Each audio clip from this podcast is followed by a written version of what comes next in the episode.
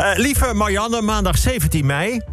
Ja, 17 mei. Vandaag was ik op een verjaardag van een vriendin die 50 werd. Leuke vrouw.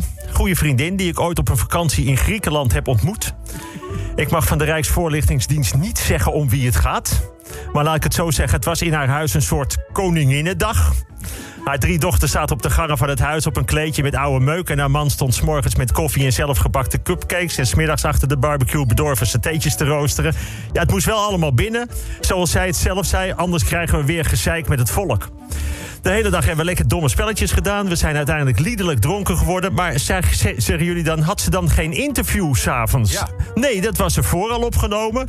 Ik vroeg haar hoe het was geweest. Toen zei ze, nou, ging best wel goed. Aan tafel. Er mag vanaf woensdag weer met 30 mensen buiten worden gesport. Dus ook weer gewoon gevoetbald. Spelers moeten wel op anderhalve meter afstand. En zo zei mijn vriend Dieter Hultzenbein... probeer dan nog maar eens een geloofwaardige zwalbe te maken. Ja. Je mag ook weer op reis naar een aantal landen. Bijvoorbeeld naar de Canarische eiland, naar Thailand en Rwanda. Kortom, de Flevopolder is nog even twijfelachtig en code oranje. Maar Rwanda is veilig. Advies om minimaal anderhalve meter afstand te houden van de Bill Gates heeft zich vorig jaar uit het bestuur van Microsoft terug moeten trekken... omdat hij een affaire had met een medewerkster van het bedrijf. Dat betekende dus Control All Delete voor Bill. Overigens was die relatie begonnen in 2000. Dat is 21 jaar geleden. Zonder dat de anderen bij Microsoft erachter zijn gekomen. Nou, dat vind ik dus hele slechte reclame voor Microsoft. Maar ik wil wel weten wat voor wachtwoord Bill had. Het centraal examen is gestart. De praktijkexamens van het VMBO waren al eerder gestart. Maar blijkbaar vonden de meeste media dat dus minder belangrijk. Ik las een nieuwe complottheorie. Namelijk dat het vaccin tegen corona in de warme worst van de HEMA zou zijn gedaan. En ja, sommige mensen vonden de worst al vreemd smaken. Nou, ik denk ook dat er iets in die worst zit. Want ik eet bijvoorbeeld heel vaak een halve warme van de HEMA. En ik ben bijna nooit verkouden. En nu ik erover nadenk, ik heb ook nooit malaria. Dus wat stoppen ze bij de HEMA in de tompoes? Dinsdag 19 mei. Het interview met koningin Maxima, die gisteren 50 is geworden en het in kleine kring heeft gevierd met een van haar beste vrienden, is bekeken door 3,2 miljoen mensen, zeg maar een halve Rutte. Nou, kwam een vraag aan het eind over de speedboot van 2 miljoen, waarop ze zei: Ja, die wilde mijn man zo graag. Nou, dat vond ik een mooi antwoord. Want zo gaat het in een relatie. Moet er een nieuwe auto komen, de een, bijvoorbeeld een vrouw, maakt het niks uit. Als het maar niet te groot is en een mooie kleur blauw. De ander, bijvoorbeeld een man, die wil gewoon een dikke BMW of een Audi of de grootste Tesla. Zo werkt dat. Ik wil bijvoorbeeld gewoon een mooie blauwe auto. Maar goed, je zag Maxima ook kijken met een blik van gun die man toch zijn boot. Dan is hij in ieder geval thuis regelmatig weg. Het is veel mensen waarschijnlijk niet opgevallen, daarom noem ik het maar. Vandaag begint dus het Songfestival in Nederland. Dat natuurlijk groot, maar er was ook een klein dingetje. Paul de Leeuw is toch niet te zien in de dagelijkse talkshow vanuit het Eurovisiedorp, zeg maar Eurovision Village, met allemaal Eurovision Village people.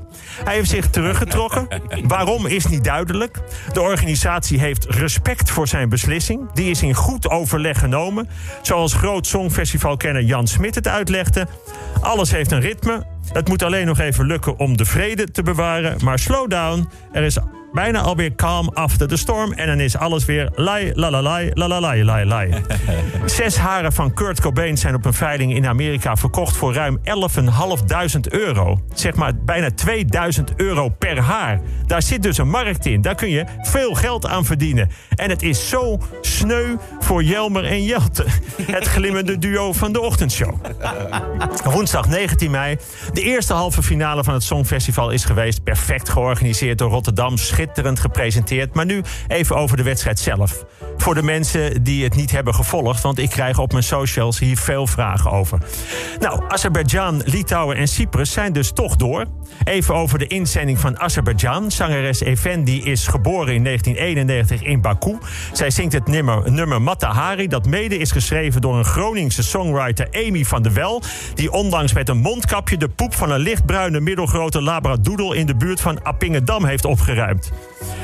Ja, sinds Sander Lantinga het commentaar doet... weet iedereen hier bij 538 onwaarschijnlijk veel van het Songfestival.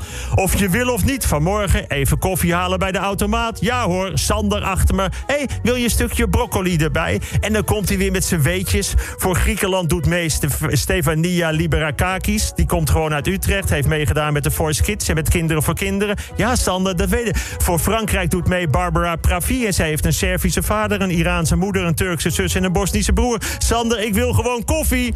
Bovendien, ik heb de winnares al lang gezien. Kop en schouders.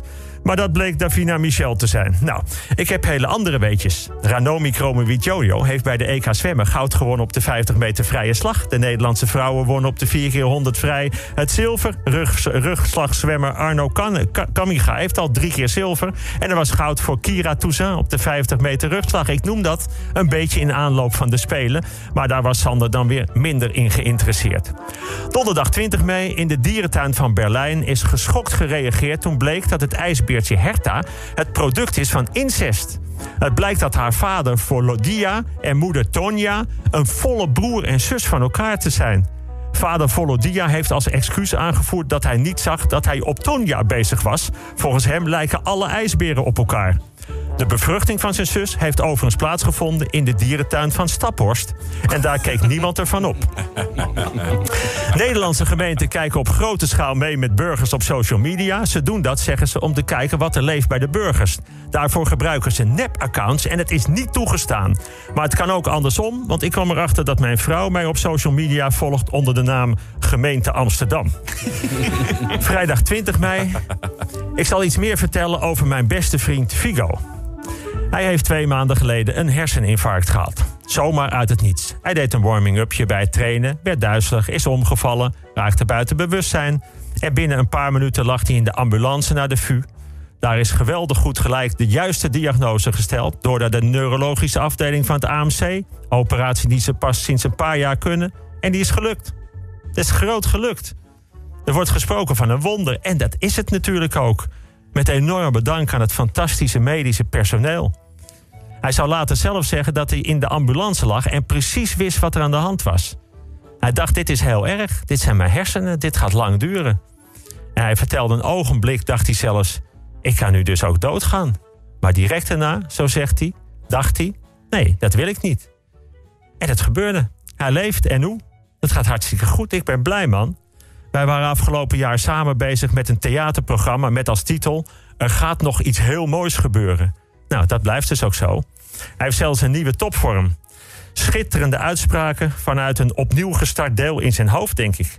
Met de kracht van een orakel. Soms grappig, soms filosofisch.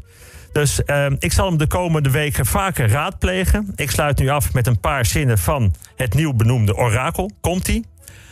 Als je goed leeft, kun je goed doodgaan, maar het hoeft niet per se. Is toch schitterend? Wow. En deze, nadat hij zich verslikt had in een stukje peer, even hoesten, stilte. En hij zegt: Kijk uit voor de peer. Dat is af en toe een gemeen stukje fruit. Ja, mooi. Nou, ga daar maar eens over nadenken. Tot volgende week.